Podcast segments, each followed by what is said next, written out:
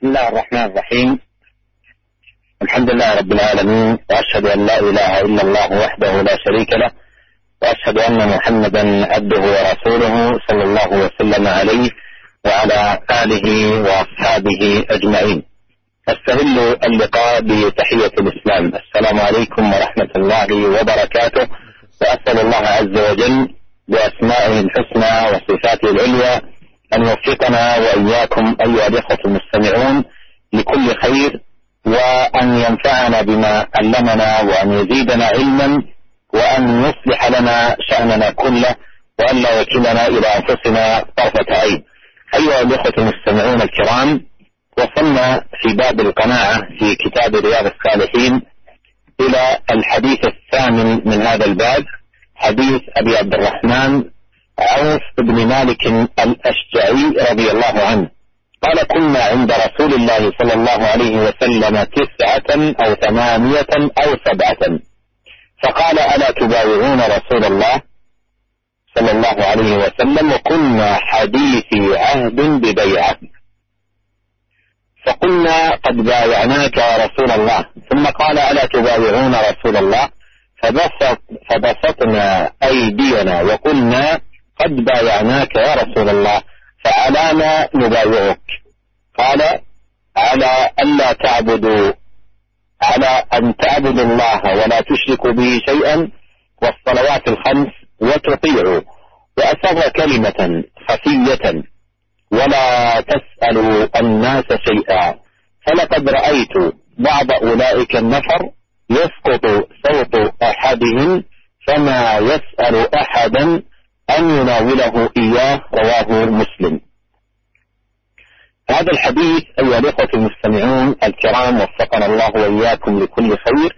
فيه هذه الوصية العظيمة الجامعة وفيه أيضا عظيم استجابة الصحابة للنبي صلى الله عليه وسلم والتزامهم الدقيق بما يوجههم إليه صلوات الله وسلامه عليه. ويقول عوف رضي الله عنه كنا عند رسول الله صلى الله عليه وسلم تسعة أو ثمانية أو سبعة. فقال لهم رسول الله صلى الله عليه وسلم ألا تبايعون رسول الله؟ وكنا حديث حديث عهد ببيعة أي ليس عندنا دراية دقيقة بها أو بطريقتها. فقلنا قد بايعناك يا رسول الله ثم قال ألا تبايعون رسول الله؟ فبسطنا أيدينا. وقلنا قد بايعناك يا رسول الله فعلى ما نبايعك. على ما نبايعك أي ما هو الشيء الذي تريد منا أن نبايعك عليه.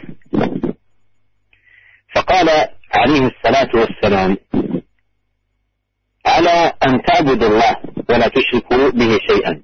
وهذا هو التوحيد. الذي خلق الله الخلق لأجله وأوجدهم لتحقيقه. وبدأ به عليه الصلاة والسلام لأنه الأساس الذي يبنى عليه دين الله تبارك وتعالى.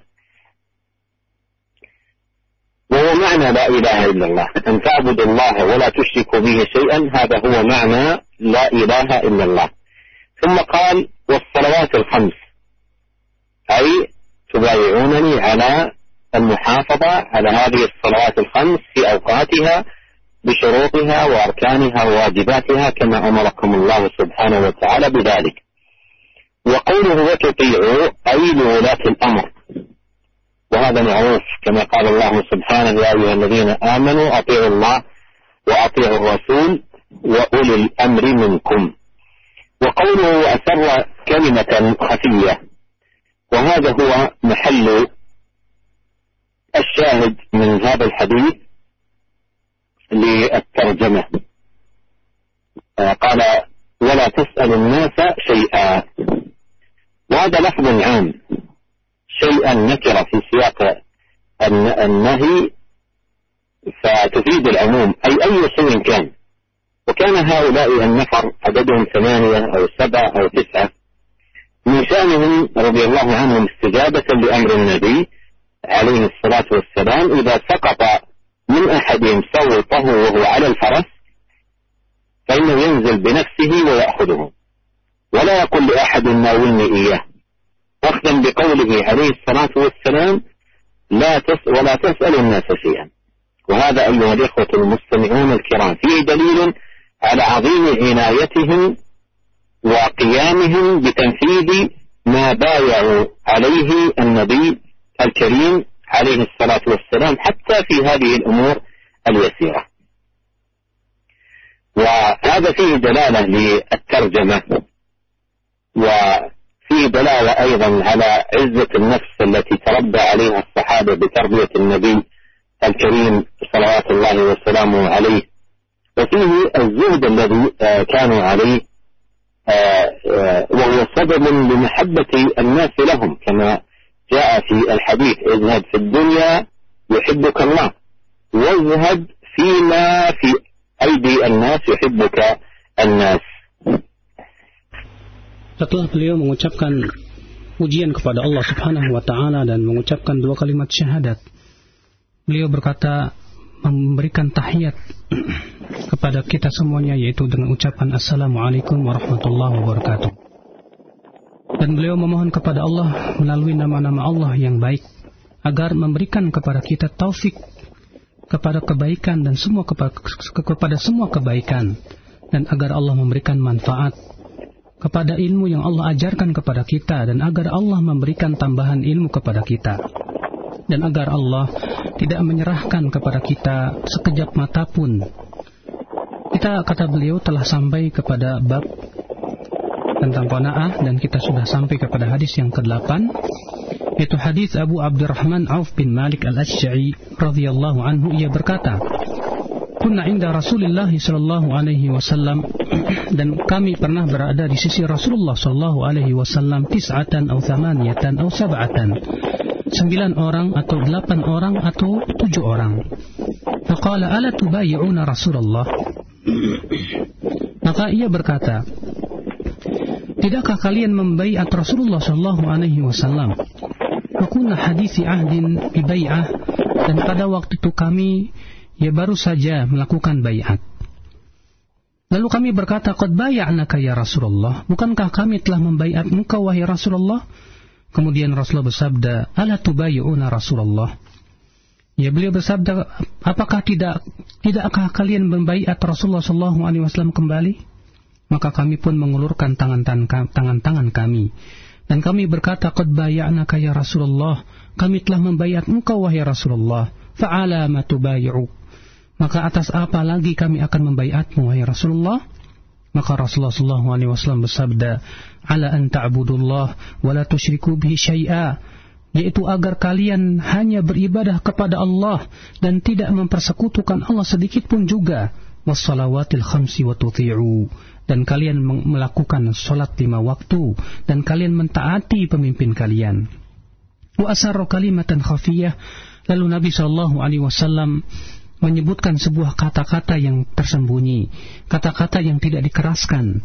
Beliau bersabda wala tas'alun nasa syai'a, yaitu jangan kalian minta kepada manusia sedikit pun juga.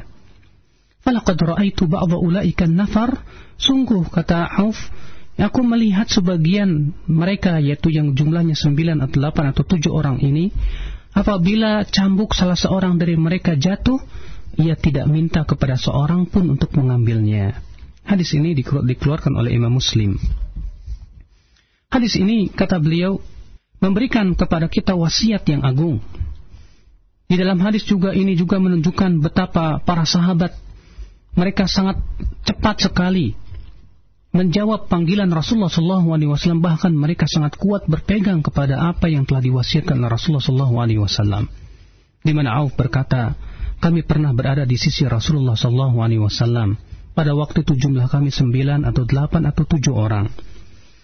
Lalu Rasulullah SAW ia bersabda kepada kami, tidakkah kalian membaiat Rasulullah SAW? Dan pada waktu itu kami baru saja melakukan bayat kepada beliau. Lalu kami berkata, di atas apa kami hendak membayat engkau lagi wahai Rasulullah? Kemudian Rasul bersabda, tidakkah kalian membayat Rasulullah Shallallahu Alaihi Wasallam? Ya, maka kami pun menjulurkan tangan-tangan kami dan kami berkata, kami telah membayat engkau wahai Rasulullah. ya. Maka kemudian Rasulullah SAW bersabda, yaitu hendaklah kalian hanya beribadah kepada Allah Subhanahu wa taala. Inilah kata beliau tauhid yang merupakan tujuan di, diciptakannya manusia. Di sini Rasulullah Shallallahu Alaihi Wasallam memulai dengan tauhid. Kenapa? Karena ia adalah merupakan asas yang dibangun di atasnya agama Allah Subhanahu Wa Taala. Dan inilah makna la ilaha illallah. Kemudian Rasulullah menyebutkan yang kedua wassalawatil khams. Artinya kalian bayat aku agar kalian menjaga sholat lima waktu, menjaga syarat-syaratnya, menjaga rukun-rukunnya, menjaga demikian pula kewajiban-kewajibannya seperti apa yang Allah perintahkan kepada kalian watuti'u dan kalian mentaati artinya mentaati pemimpin-pemimpin kalian sebagaimana disebutkan dalam ayat Allah taala berfirman ya ayyuhalladzina amanu ati'u Allah wa ati'ur rasul wa ulil amri minkum. Wahai orang-orang yang beriman taatilah Allah taatilah rasul dan ulil amri di antara kalian. Kemudian Rasulullah berbisik. Dan inilah yang diinginkan oleh Imam An-Nawawi dalam kitab ini dalam dalam penyebutan hadis ini. Apa apa yang Rasulullah SAW bisikan? Rasulullah bersabda, "Wala tas'alun nasa syai'a." Jangan kamu meminta kepada manusia syai'an. Syai'an ini dalam bahasa Arab berbentuk nakirah dalam redaksi peniadaan. Biasanya dalam bahasa Arab ya, nakirah dalam bentuk peniadaan itu bersifat umum maknanya. Artinya jangan kamu minta kepada manusia apa pun juga bentuknya banyak maupun sedikit. Dan mereka ternyata betul-betul berpegang kepada apa yang di, diwasiatkan oleh Rasulullah SAW tersebut. Sampai-sampai apabila salah seorang dari mereka apabila cambuknya jatuh tidak pernah berkata kepada orang lain, tolong ya ambilkan cambuk saya. Maka ini menunjukkan ya betapa agungnya para sahabat memperhatikan dalam perkara-perkara seperti ini. Mereka berusaha untuk melaksanakannya sesuai dengan apa yang mereka ambil bayat dari Rasulullah Shallallahu Alaihi Wasallam. Dalam hadis ini juga menunjukkan kepada apa yang diinginkan oleh Imam Nawawi, ya dari tarjamah hadis tentang bab kona'ah. Demikian pula hadis ini menunjukkan akan bagaimana jiwa-jiwa para sahabat yang sangat mulia. Mereka orang-orang yang zuhud dalam kehidupan dunia. Di mana zuhud itu adalah merupakan sebab datangnya cinta manusia kepada seseorang sebagaimana sebutkan dalam hadis Nabi sallallahu alaihi wasallam izhad fid dunya yuhibbukallah wazhad fi ma indan nas yuhibbukan nas zuhudlah kamu di dunia niscaya Allah akan mencintai kamu dan zuhudlah kamu terhadap apa yang ada di sisi manusia niscaya manusia akan mencintai kamu Naam Syekh ثم أورد رحمه الله تعالى حديث ابن عمر رضي الله عنهما أن النبي صلى الله عليه وسلم قال لا تزال المسألة بأحدكم حتى يلقى الله تعالى وليس في وجهه مزعة لحم متفق عليه. المزعة بضم الميم وإسكان الزاي وبالعين المهملة القطعة. وهذا الحديث أيها الإخوة المستمعون الكرام فيه الوعيد الشديد والتهديد العظيم لمن يسأل الناس دون ضرورة ملحة لهذا السؤال. وأن من كان كذلك يأتي يوم القيامة وليس في وجهه مزعة لحم. وهذا دليل على تحريم ذلك. أنه يحرم على الإنسان أن يسأل الناس وأن يمد يديه أو يده إليهم سائلا من غير ضرورة إلى السؤال. وإنما يسأل تكثرا فهذا لا تحل له الصدقة. ولا يجوز له أن يسأل الناس. والحديث فيه ذم عظيم لهذا السؤال وتقبيح له وأنه يأتي يوم القيامة لا لحم في وجهه. يأتي يوم القيامة لا لحم في وجهه عقوبة له بأن يجيء على هذه الصفة. أي كما أنه بذل وجهه وعنده الكفاية إلى الناس سؤالا وطلبا يعاقب يوم القيامة فيأتي وليس في وجهه قطعة لحم. وهذه عقوبة عظيمة وهي دالة على تحريم ذلك. أنه يحرم على الإنسان أن يسأل الناس و عنده ما يكفيه وإنما يسألهم تكثرا بالسؤال من غير ضرورة.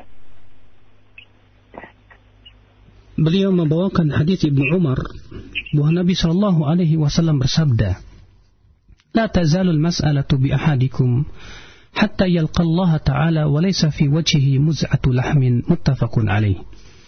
Dari Abdullah bin Umar, semoga Allah meridainya bahwa Nabi Shallallahu Alaihi Wasallam bersabda, pekerjaan meminta-minta terus saja dilakukan oleh seseorang di antara kalian hingga dia bertemu Allah Ta'ala kelak sedang wajahnya tidak terdapat segumpal daging pun pula. Hadis ini dikeluarkan oleh Bukhari dan Muslim.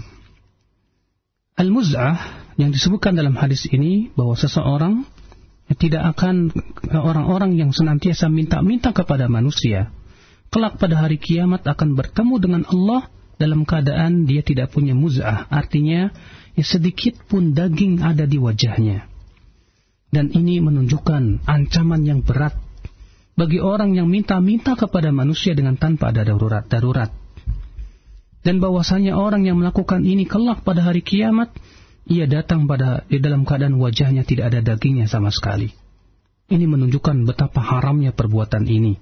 Seseorang minta-minta dengan tanpa darurat, yang minta-minta kepada manusia tujuannya hanya sebatas untuk memperbanyak hartanya.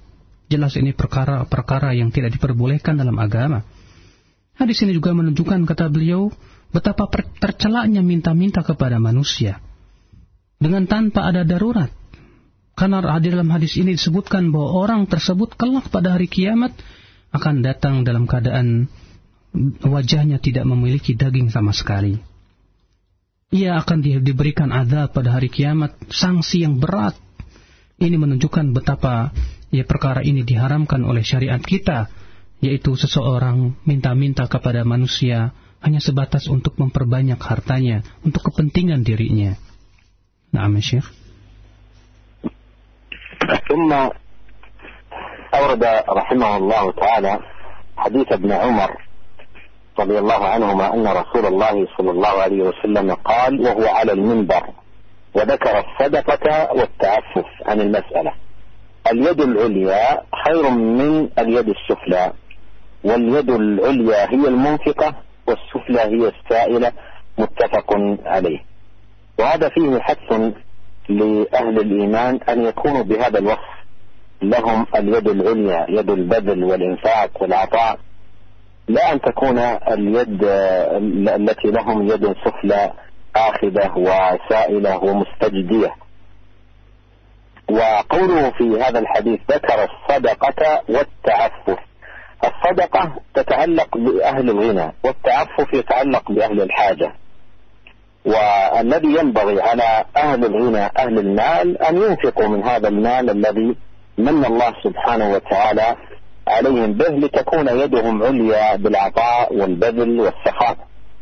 وقوله التعفف هذا يتعلق بالمحتاج وأنه ينبغي أن يتعفف. وقد مر معنا قول نبينا عليه الصلاة والسلام ومن يستعفف يعفه الله ومن يستغني يغنه الله Kemudian beliau membawakan hadis Abdullah bin Umar bahwasanya Rasulullah Shallallahu Alaihi Wasallam bersabda, dan beliau pada waktu itu di atas mimbar wadakar sadaqah dan menyebutkan tentang sadaqah wa ta'affuf 'anil mas'alah dan berusaha untuk memelihara diri dari minta-minta. Beliau bersabda al-yadul ulya khairum minal yadis sufla. Tangan di atas lebih baik daripada tangan di bawah. Al-yadul ulya yal munfiqah. Tangan di atas itu adalah orang yang memberikan sedekah. Wasufla hiya sa'ilah dan tangan di bawah adalah yang minta-minta muttafaqun alaih. Hadis ini menunjukkan bahwa sudah selayaknya bagi ahlul iman, orang-orang yang mempunyai keimanan di dalam hatinya, untuk senantiasa memiliki sifat ya tangan di atas dan agar menjauhi sifat tangan di bawah orang-orang yang minta-minta. Di sini Rasulullah mengatakan as-sadaqah ini berhubungan dengan ahlul ghina yaitu orang-orang kaya. Dan Rasulullah menyebutkan tentang ta'afuf, yaitu memelihara diri, ini berhubungan dengan orang-orang yang membutuhkan. Artinya orang-orang yang kaya hendaklah menjadi orang-orang yang berusaha tangannya di atas memberikan apa namanya infak kepada orang-orang miskin. Namun orang-orang miskin pun juga berusaha untuk memelihara dirinya agar jangan sampai ia menjadi orang-orang yang suka minta-minta. Hal ini juga berhubungan dengan hadis yang telah kita bahas sebelumnya di mana Rasulullah SAW bersabda wa man yasta'fif yu'iffuhullah siapa yang menjaga kehormatan dirinya maka Allah akan jaga kehormatan dirinya dan siapa yang berusaha untuk menjaga kehormatan untuk untuk memperkaya dirinya maka Allah akan kayakan hatinya. Nah, Syekh. ثم أورد رحمه الله تعالى حديث أبي هريرة أن النبي صلى الله عليه وسلم قال من سأل الناس تكثرا فإنما يسأل فإنما يسأل جمرا فليستقل أو ليستكثر رواه مسلم. قوله من سأل الناس تكثرا أي من أجل أن يكون عنده مال كثير لم يسأل لحاجة وإنما سأل من أجل أن يكون عنده مال كثير فهذا يعاقبه الله سبحانه وتعالى يوم القيامة والعقوبة مبينة في الحديث. قال فإنما يسأل جمرا. فليستقل أو ليستكثر أي من هذا الجمر لأنه كل ما زاد سؤاله عن خير عن غير حاجة زاد الجمر الذي يكوى به يوم القيامة. وقد قيل إن المراد بقوله فإنما يسأل جمرا قيل إن المراد أنه يعاقب بالنار وقيل بل هو على ظاهره أن يأخذه جمرا يكوى به يوم القيامة وذلك بعدد مسألته كما في الحديث فليستقل أو ليستكثر Kemudian beliau membawakan hadis Abu Hurairah radhiyallahu anhu ia berkata, Rasulullah shallallahu alaihi wasallam bersabda, "Man sa'alan nasa amwalahum takatsura, fa inna ma yas'alu jamra falyastaqilla aw liyastakthir." Rahu Muslim.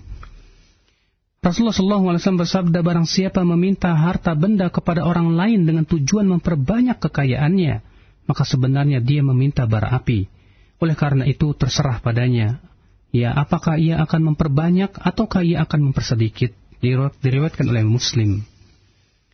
Hadis ini menunjukkan, kata beliau, artinya bahwa orang yang minta-minta kepada manusia untuk memperbanyak dan memperkaya diri, artinya dia ingin tujuannya adalah supaya hartanya banyak. Maka orang yang tujuannya seperti ini, pasti Allah akan berikan sanksi kelak pada hari kiamat. Kemudian Rasulullah bersabda, ya, menyebutkan tentang sanksinya. Apa itu? Yaitu dia sama saja dengan meminta ya bara api. Artinya ia akan diadab dengan api neraka, di mana bara api itu akan menjadi setrika-setrikai untuk dia pada hari kiamat. Sebagian ulama ada yang mengatakan bahwa yang dimaksud dengan hadis man sa'alan nasa fa inna ma yas'alu jamran Artinya ia minta jamron, artinya ia akan diadab dengan api neraka. Namun sebagian ulama ada yang mengatakan bahwa ya maknanya secara hakiki. Ya artinya ia akan diadab dengan apa namanya ya bara api sesuai dengan ya banyak atau sedikitnya minta-minta yang ia lakukan dahulu di dunia Maka pada waktu itu harta-harta itu yang ia minta kepada manusia berubah menjadi bara-bara api akan mengadab dia. نعم شيخ ثم أورد حديث سمرة بن جندب رضي الله عنه قال قال رسول الله صلى الله عليه وسلم إن المسألة كد يكد بها الرجل وجهه إلا أن يسأل الرجل سلطانا أو في أمر لا بد منه رواه الترمذي وقال حديث حسن صحيح. الكد الخدش ونحوه.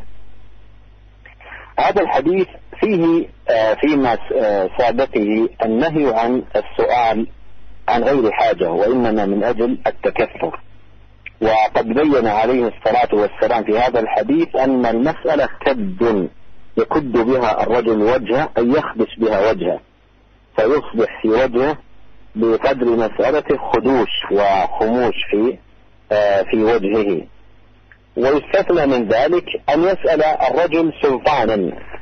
وسؤال السلطان لا يدخل في النهي لأنه يسأله مما تحت يده من من مال المسلمين في بيت مال المسلمين. فهو يعطيه منه. فهو لا يسأله من ماله الخاص وإنما يسأله من المال الذي تحت يده في بيت مال المسلمين فلا يدخل تحت النهي كذلك يستثنى إذا كان في أمر لا بد منه. إذا كان في أمر لا بد منه أي سأل عن حاجة وعن ضرورة للسؤال فإنه يستثنى من ذلك. وأما ما عدا ذلك فإنه يأتي يوم القيامة وفي وجهه خموس وخدوش بسبب هذه المسألة. Kemudian beliau membawakan hadis Samurah bin Jundub, semoga Allah meridainya ia berkata bahwasanya Rasulullah Shallallahu alaihi wasallam bersabda, "Innal mas'alata kaddun yakuddu biha ar-rajul wajhah, illa an yas'ala ar-rajulu sultanan aw fi amrin la budda min." Rahu Tirmidzi wa qala hadithun hasanun sahih. Rasulullah SAW bersabda sesungguhnya meminta-minta itu adalah cakaran yang dengannya seseorang mencakar-cakar wajahnya kecuali jika seseorang meminta kepada penguasa atau meminta sesuatu yang menjadi sesuatu yang harus bagi dia. Diriwayatkan oleh Tirmidzi dan Tirmidzi berkata hadis ini hasan sahih. Dan yang dimaksud dengan kad di sini artinya cakaran, seseorang mencakar wajahnya. Hadis ini menjelaskan kepada beliau, kata beliau, bahwa meminta-minta kepada manusia, kelak itu pada hari kiamat akan menyebabkan pelakunya akan mencakar-cakar wajahnya. Sehingga pada waktu itu wajahnya, sebagaimana disebutkan dalam hadis sebelumnya, bahwa wajahnya tidak lagi tersisa daging. Namun Rasulullah SAW memberikan pengecualian. Ya, minta-minta yang dilarang itu dikecualikan padanya adalah yaitu minta kepada penguasa. Minta kepada penguasa tidak masuk di dalam minta-minta yang dilarang. Kenapa demikian? Karena apabila seseorang minta kepada penguasa, ia bukan minta dari uang yang ia miliki, tidak. Tapi karena ada uang-uang penguasa yang tentunya merupakan hak kaum muslimin yang berasal dari baitul mal. Sehingga itu tidak termasuk apa yang dilarang oleh Rasulullah SAW. Demikian pula Rasulullah SAW memberikan pengecualian yaitu minta-minta dalam perkara yang kita harus melakukannya. Artinya dia minta karena sangat butuh sekali. Dia minta karena darurat. Adapun selain itu, maka orang yang melakukannya kelak pada hari kiamat, ya datang pada hari kiamat dalam keadaan di wajahnya itu khumus dan khudush, yaitu ya terdapat cakaran-cakaran, bahkan tidak ada padanya daging sedikit pun juga. تفضل يا شيخ.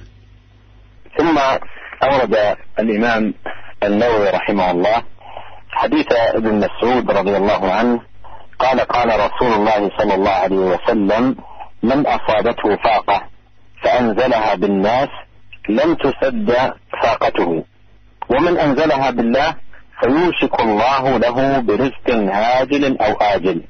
رواه أبو داود والترمذي وقال حديث حسن. هذا الحديث أيضا كسابقا فيه التأسف وعدم آه، سؤال الناس وإنزال الحاجة بهم. وقوله من نزلت به فاقة أي نزلت به حاجة شديدة. والمراد بالفاقة هنا الفقر وضيق العيش. وقوله فأنزلها بالناس أي أنزل هذه الفاقة بالناس بأن عرضها عليهم وأظهر الشكاية لهم وطلب منهم إزالة هذه الفاقة التي أصابته. وقوله لم تسد فاقته أي لم تقضى حاجته وبقي على الحاجة التي كان عليها قبل السؤال فلم يستفد شيئا بسؤال الناس. وأما إذا أنزلها بالله معتمدا عليه متوكلا عليه سائلا له. فيوشك الله له أن يسرع الله ويعجل الله سبحانه وتعالى له بالرزق العاجل. منا من الله آه، وتفضلا. فالله سبحانه وتعالى يمن على من كان كذلك بالرزق. وهذا فيه ولا شك حث للإنسان أن ينزل فاقته وحاجته بالله ويستعف عما في أيدي الناس ويكون ملتجئا إلى الله سبحانه وتعالى. والله عز وجل يوشك له برزق عاجل أو آجل. قد يحصل سريعا وقد يتأخر شيئا ما لكن الله سبحانه وتعالى يمن على من يلجأ إليه ويتوكل عليه ويستعين به وحده جل في علاه.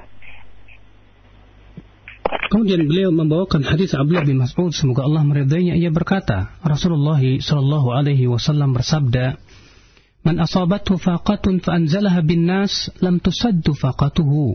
Wa man anzalaha billah fayushikullahu lahu birizqin ajilin aw ajilin rawahu Abu Daud wa Tirmidzi wa qala haditsun hasan.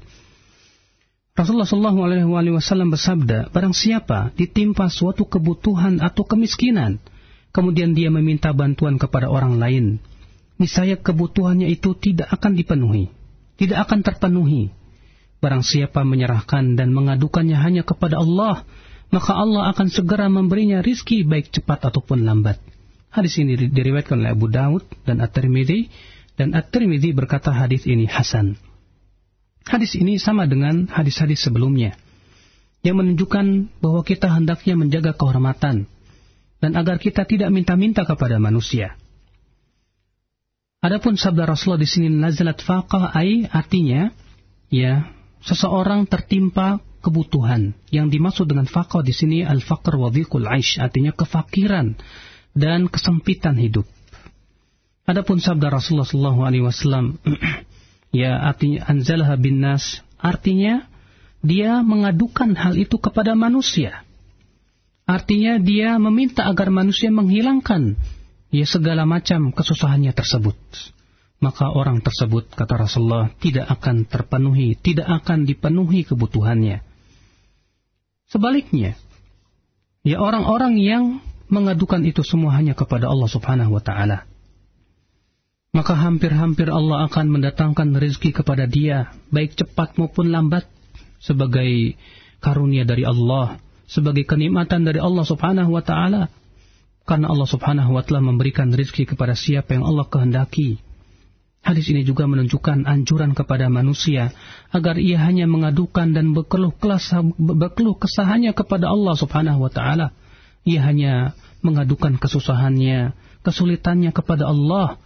Maka orang yang seperti ini maka demi Allah, hampir-hampir Allah akan mendatangkan kepada dia rizki baik yang cepat maupun lambat. Artinya terkadang rezeki itu datangnya cepat dan terkadang rezeki itu datangnya lambat. Akan tetapi Allah Subhanahu wa taala akan senantiasa memperhatikan orang-orang yang senantiasa mengadukan kesusahan yang hanya kepada Allah Subhanahu wa taala.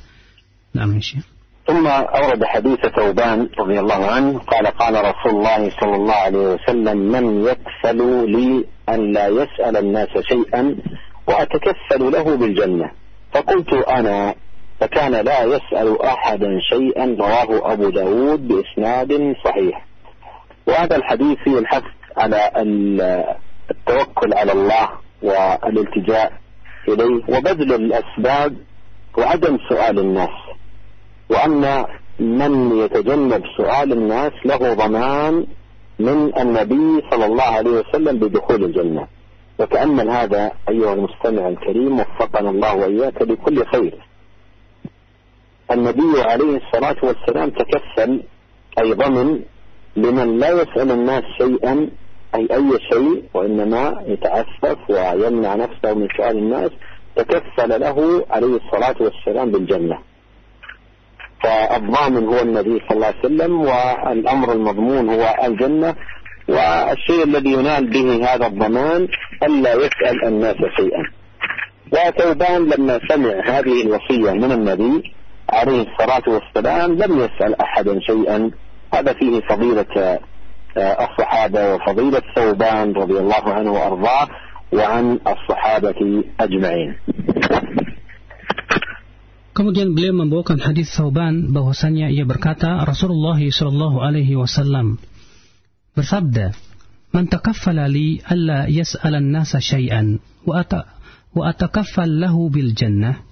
Faqultu ana fakana la yas'alu ahadan syai'a rawahu Abu Daud bi isnadin sahih.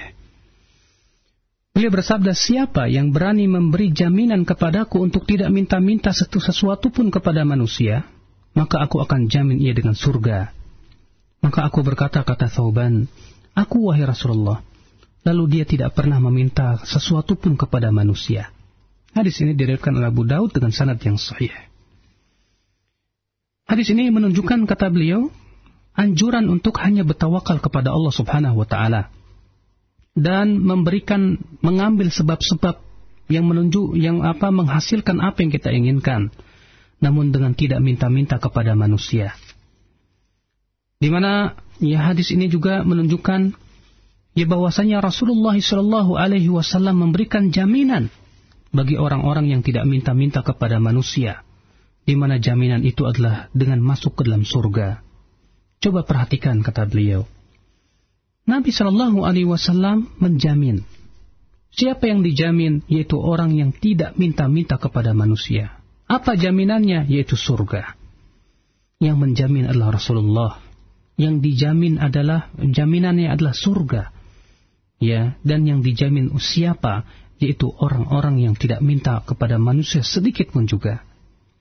Dan ternyata Sauban, ya setelah itu ia tidak pernah minta lagi kepada manusia. Ini menunjukkan akan keistimewaan dan keutamaan Sauban dan seorang sahabat yang mulia ini. Di mana ia, ia telah diberikan uh, jaminan oleh Rasulullah SAW dengan surga. Nah, Syekh. ثم أورد رحمه الله حديث أبي بشر قبيصة بن المخارق رضي الله عنه قال تحملت حمالة. فأتيت رسول الله صلى الله عليه وسلم أسأله فيها فقال أقم حتى تأتينا الصدقة فنأمر لك بها. ثم قال يا قبيصة إن المسألة لا تحل إلا لأحد ثلاثة. رجل تحمل حمالة وحلت له المسألة حتى يصيبها ثم يمسك. ورجل أصابته جائحة اجتاحت ماله فحلت له المسألة حتى يصيب قواما من عيش أو قال سدادا من عيش. ورجل أصابته فاقة حتى يقول ثلاثة من ذوي الحجى من قومه لقد أصابت فلانا فاقة فحلت له المسألة حتى يصيب قواما من عيش أو قال سدادا من عيش. فما سواهن من المسألة يا قبيصة سحت يأكلها صاحبها سحتا رواه مسلم. قال النووي رحمه الله الحمالة بفتح الحاء أن يقع قتال ونحوه بين فريقين فيصلح إنسان بينهم على مال يتحمله ويلتزمه على نفسه. والجائحة الآفة تصيب مال الإنسان. والقوام بكسر القاف وفتحها هو ما يقوم به أمر الإنسان من مال ونحوه. والسداد بكسر السين ما يسد حاجة المعوز ويكفيه. والفاقة الفقر والحجى العقل. وهذا الحديث أيها الإخوة الكرام فيه بيان النبي الكريم عليه الصلاة والسلام أن المسألة لا تحل أي لا تجوز إلا لواحد من ثلاثة. إن رجل تحمل حمالة أي التزم في ذمته مالا من أجل أن يصلح بين الناس أو يصلح بين شخصين متعاديين. حصلت بينهم خصومة فقال أنا مثلا أدفع الغرامة وأنا متكفل ويعمل على الإصلاح بين المتخاصمين أو المتنازعين. والرجل الثاني هو من أصابته جائحة اجتاحت ماله كان يكون غرق المال أو أصابه حرق أو انتهبه عدو وسلب ماله أو نحو ذلك. فهذا أيضا تحل له المسألة حتى يصيب سدادا من عيش أي ما يسد حاجته. والرجل الثالث كأن يكون غنيا فيفتقر فجأة بدون سبب ظاهر وبين فهذا لا يحل له المسألة وأن يعطى حتى يشهد له ثلاثة من أهل العقول من قومه بأنه فعلا أصابته فاقة فيعطى بقدر ما أصابه. وما سوى هؤلاء الثلاثة لا تحل لهم المسألة. ومن أخذ شيئا سوى هؤلاء فإنه يأكل سحتا والسحت هو الحرام. وسمي سحتا لأنه يسحت البركة من المال فلا يكون في ماله بركة بل إن هذا المال الكثير آه، يذهب بالآفات أو الغرامات أو التعديات أو غير ذلك لأنه مال لا بركة فيه. Kemudian beliau pun membawakan hadis dari Abu Bishr Qabisah bin Al-Mukharik. Semoga Allah meridainya ia berkata, Tahammaltu hamalatan. Aku dalam keadaan menanggung beban yang sangat berat. Lalu aku mendatangi Rasulullah Shallallahu Alaihi Wasallam untuk meminta kepada beliau tentang tanggungan tersebut. Maka beliau bersabda, tunggulah sehingga ada sodakoh atau zakat yang datang kepada kami. Untuk selanjutnya akan kami perintahkan untuk menyerahkannya kepada kamu. Lebih lanjut Rasulullah SAW sabda, Wahai Qabisah, sesungguhnya minta-minta itu tidak diperbolehkan, kecuali karena salah satu dari tiga orang. Yaitu, orang yang menanggung beban yang sangat berat. Maka diperbolehkan baginya meminta-minta sehingga dia berhasil meringankan bebannya, dan kemudian menahan diri untuk tidak meminta-minta lagi dan seseorang yang ditimpa musibah yang menghancurkan hartanya sehingga diperbolehkan baginya meminta-minta sampai dia berhasil memperoleh kehidupannya berjalan normal. Atau beliau bersabda kemudian kemudian hidup. Dan orang yang ditimpa kesusahan sehingga ada tiga orang yang bijak di antara kaumnya mengatakan si fulan telah tertimpa kesusahan. Maka diperbolehkan baginya meminta-minta sehingga dia berhasil memperoleh kehidupan yang normal Adapun selain itu wahai qabisah, maka itu adalah barang yang haram yang dimakan oleh pelakunya sebagai sesuatu yang haram. Hadis ini dikeluarkan oleh Imam Muslim. Kemudian beliau menyebutkan tentang beberapa makna yang disebutkan oleh Imam Nawawi. Yang pertama yaitu makna al-hamalah, yaitu terjadinya peperangan di antara dua kabilah yang kemudian ada seseorang yang mau menanggung perdamaian di antaranya namun dia harus menanggung semua kerugian-kerugian yang terjadi. Itulah yang dimaksud dengan ya tahammala ya hamalat tahamalatan. Adapun yang kedua makna al-jaihah yaitu kebangkrutan yang menimpa seseorang. Adapun makna yang ketiga as-sidat artinya kehidupan yang normal dan yang dimaksud dengan al-faqah di sini itu kefakiran.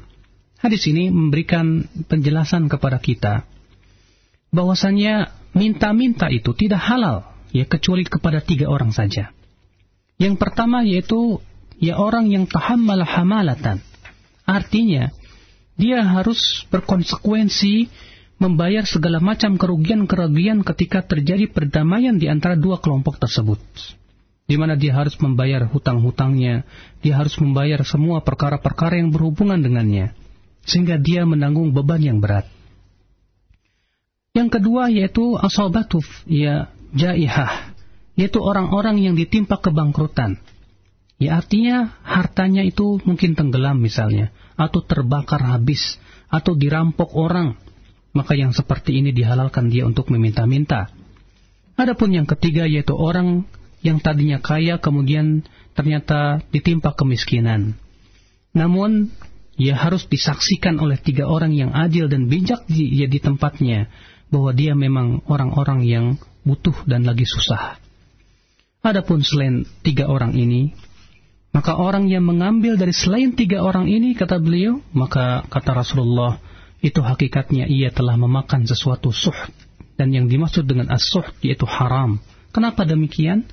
Kenapa yang disebut dengan suhud? Karena itu bisa mencabut keberkahan. Walaupun mungkin hartanya banyak, tapi ia bisa hilang. Kenapa? Karena telah dicabut, dicabut keberkahannya oleh Allah Subhanahu Wa Taala.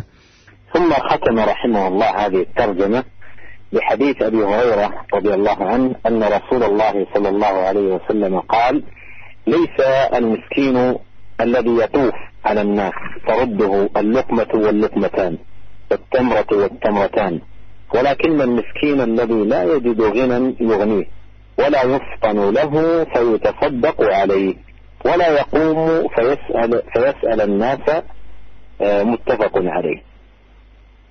هذا الحديث الذي ختم به الإمام النووي رحمه الله هذا الباب في بيان من هو المسكين حقا الذي فعلا يستحق العطاء.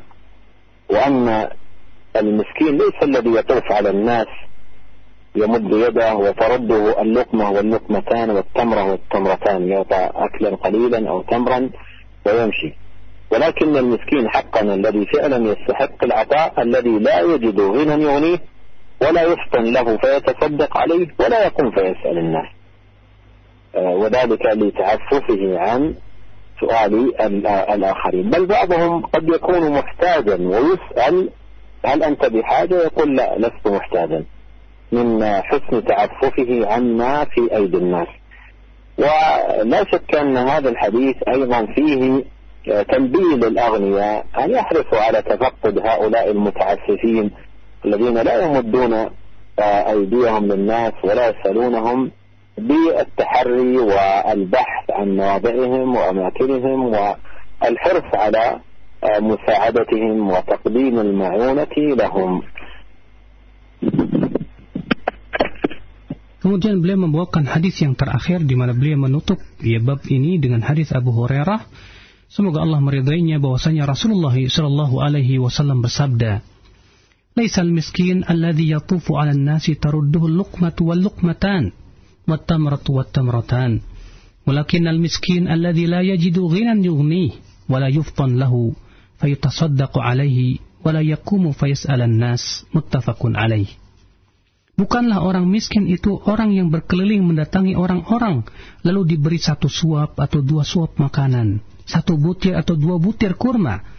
Tetapi orang miskin adalah orang yang tidak mempunyai harta untuk yang mencukupi kebutuhannya, dan dia tidak diketahui keadaannya, sehingga diberi sedekah, serta tidak bangkit untuk minta-minta kepada orang lain.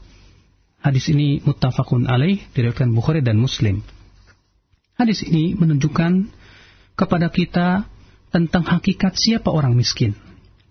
Siapa orang miskin yang berhak diberikan uh, sodakoh. Yaitu bahwasanya orang miskin bukanlah orang-orang yang berkeliling kepada manusia minta-minta. Akan tetapi hakikat orang miskin itu siapa? Yaitu orang yang tidak mempunyai harta yang mencukupi kebutuhannya. Namun ia tidak ada yang mengetahuinya. Ia pun tidak minta kepada manusia. Kenapa? Karena ia sangat apa, menjaga kehormatannya. Bahkan mungkin sebagian mereka, kata beliau, mungkin saja dia lagi butuh, tapi ia tidak mau minta kepada manusia. Dan ketika ia ditanya, Hai Fulan, apakah kamu ini punya hajat? Dia berkata, tidak, saya tidak punya hajat. Padahal ia sangat butuh sekali, saking ia menjaga kehormatannya. Hadis ini juga menunjukkan bahwa hendaknya seorang orang-orang kaya itu lebih memperhatikan orang-orang seperti ini. Hendaknya orang-orang kaya ia berusaha untuk memperhatikan orang-orang yang seperti ini dengan cara ia memperhatikan atau mencari orang-orang yang seperti ini yang sebetulnya dia butuh tapi dia berusaha tidak minta kepada manusia. Lalu ia bersungguh-sungguh untuk membantu dia dan memberikan atau memberikan kebutuhan-kebutuhannya. Nah, Syekh. ثم قال النووي رحمه الله باب جواز الأخذ من غير مسألة ولا تطلع إليها. وهذا الباب أتبعه للباب الذي قبله لما له تعلق بالمسألة التي ختم بها الباب السابق وأنه يجوز الأخذ من غير مسألة ولا تطلع. وأورد حديثا واحدا في هذه الترجمة وهو حديث سالم بن عبد الله بن عمر عن أبيه عبد الله بن عمر عن عمر رضي الله عنه. قال كان رسول الله صلى الله عليه وسلم يعطينا العطاء فأقول أعطه من هو أفقر إليه مني. فقال خذه. قال خذه إذا جاءك من هذا المال شيء وأنت غير مشرف ولا سائل. فخذه فتموله فإن شئت كله وإن شئت تصدق به. وما لا فلا تتبعه نفسك. قال سالم فكان عبد الله لا يسأل أحدا شيئا ولا يرد شيئا أعطيه متفق عليه. وهذا الحديث فيه أن هذه الأموال وليس المراد هنا الصدقات وإنما الأموال التي يقسمها الإمام على الناس سواء كانوا أغنياء أو فقراء. وهي من آه، بيت المال التي هي لعموم الناس. لا يتعلق بفقر ولا غنى لكونه له لكونه لهم حق فيه مال عام. فقول آه، النبي عليه الصلاة والسلام لعمر لما قال عمر أعطه من هو أفقر إليه مني بين له أن هذا المال لا يتعلق بمسألة الفقر وإنما هذا عام للناس من بيت المال. فأرشده هذا الإرشاد. قال خذه إذا جاءك من هذا المال وأنت غير مشرف أي ليس لست متطلع وليس في نفسك شره ولا سائل أيضا. فإذا جاءك من غير مسألة فخذه فتموله. إن شئت فكله وإن شئت تصدق به لأنه مال لك.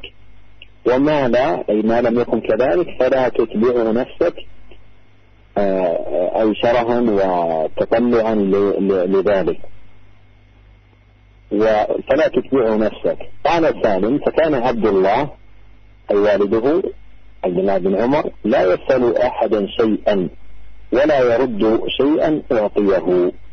وهذا من كمال تطبيق الصحابة رضي الله عنهم وأرضاهم لما يبلغهم ويصل إليهم من توجيهات النبي الكريم عليه الصلاة والسلام. قال النووي رحمه الله مشرف بالسين المعجمة أي متطلع إليه. ونكتفي بهذا القدر في يومنا هذا ونسأل الله تبارك وتعالى أن ينفعنا أجمعين بما علمنا وأن يزيدنا علما وأن يصلح لنا شأننا كله. وألا يكلنا إلى أنفسنا طرفة عين إنه سميع قريب مجيب Kemudian beliau masuk kepada bab yaitu diperbolehkannya mengambil pemberian yang diperoleh tanpa meminta-minta dan tidak mengejar-ngejarnya. Di sini beliau membawakan bab ini karena masih adanya hubungan dengan bab sebelumnya. Karena di bab sebelumnya ya kita tidak diperbolehkan untuk minta-minta.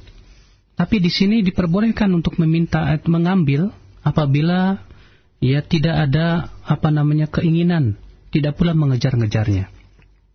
Kemudian beliau membawakan di sini hadis Salim bin Abdullah bin Umar. Dari ayahnya yaitu Abdullah bin Umar. Dari Umar semoga Allah meridainya. Ia berkata karena Rasulullah sallallahu alaihi wasallam yu'tini al-ata adalah Rasulullah sallallahu alaihi wasallam memberikan kepadaku sebuah pemberian Lalu aku berkata, berikan saja wahai Rasulullah kepada orang yang lebih fakir dariku. Maka Rasulullah SAW bersabda, ambil saja. Apabila datang kepada kamu dari harta ini sesuatu, dan sementara kamu tidak ya mengharap-harapkannya, tidak pula mengejar-ngejarnya, dan tidak memintanya, maka ambil saja. Jadikanlah ia sebagai hartamu. Jika kamu mau silahkan makan, dan jika kamu mau silahkan sodakohkan. Ya, adapun sesuatu yang tidak datang kepada kamu, jangan sekali-kali kamu mengharap-harapkannya. Maka Salim berkata, adalah Abdullah. Semenjak itu tidak pernah minta sedikit pun kepada manusia, tapi beliau pun tidak pernah menolak ya apabila diberikan. Hadis ini kata beliau menunjukkan bahwa harta yang dimaksud di sini adalah bukan yang dimaksud dalam hadis ini yaitu sedekah, bukan. Ya, Artinya sesuatu yang boleh kita terima dengan tanpa mengharap, dengan tanpa mengejar-ngejar, yang disebutkan dalam hadis ini bukanlah yang dimaksud itu harta sodako. Akan tetapi yang dimaksud adalah harta yang dibagikan oleh imam dari baitul mal. Dan ini tidak berhubungan dengan masalah kefakiran dan kebutuhan. Maka, makanya ketika Nabi Shallallahu Alaihi Wasallam bersabda kepada Umar, ya apa ketika Nabi Shallallahu Alaihi Wasallam memberikan kepada Umar pemberian, Lalu Umar berkata, berikan hai Rasulullah kepada orang yang lebih fakir dariku. Di sini menunjukkan bahwa ya harta itu tidak berhubungan dengan kefakiran. Akan tetapi ia adalah umum bagi siapa yang berhak untuk mendapatkannya dari, batu, dari, dari baitul mal. Maka beliau bersabda, Khudh, ya ambillah, idha ja'aka min hadal mal syai'un, wa anta ghairu musyrifin, wala sa'ilin. Ya apabila datang kepada kamu dari harta ini yaitu harta-harta yang diberikan oleh imam dari Baitul Mal, ya ambil saja. Ya, sementara kamu ghairu musyrif artinya ya kita tidak mengharap-harapkannya. Ya, artinya kita tidak merasa tamak kepadanya. maka ambillah, jadikan ia sebagai hartamu. Dan jika kamu mau, maka sedekahkanlah. Dan jika kamu tidak, ya artinya, kalau memang harta itu tidak datang kepada kamu, jangan kamu mengharap-harapkannya. Jangan kamu merasa tamak kepadanya. Maka Salim berkata, adalah Abdullah. Semenjak itu ia tidak pernah minta kepada siapa pun. Tapi apabila ia diberikan dari harta tersebut, ia pun tidak menolaknya. Ini menunjukkan akan kesempurnaan bagaimana para sahabat dahulu mempraktekkan ya bimbingan-bimbingan Rasulullah Shallallahu Alaihi Wasallam. Al Imam An Nawawi berkata, ya yang dimaksud dengan ya musyrif artinya ya ia mengharap-harapkan dan mengejar-ngejarnya. Dan akhirnya beliau mencukupkan pelajaran kita pada hari ini sampai pada hadis ini. Ya dan beliau berdoa semoga Allah memberikan kepada kita manfaat terhadap ilmu yang Allah ajarkan kepada kita dan memberikan tambahan ilmu kepada kita dan agar Allah Subhanahu wa taala memperbaiki urusan kita dan tidak menyerahkan urusan tersebut kepada kita sekejap mata pun. في ختام لقائنا هذا أسأل الله للجميع التوفيق والسداد والعون على كل خير وصلى الله وسلم على عبده ورسوله نبينا محمد وآله وصحبه أجمعين السلام عليكم ورحمة الله وبركاته Kemudian beliau menutup ya kajian kita pada hari ini dengan permohonan doa agar Allah memberikan kepada kita taufik kepada setiap kebaikan dan agar diberikan kelurusan di dalam segala urusan dan karena sesungguhnya Allah Subhanahu wa taala wali semua itu. Nah,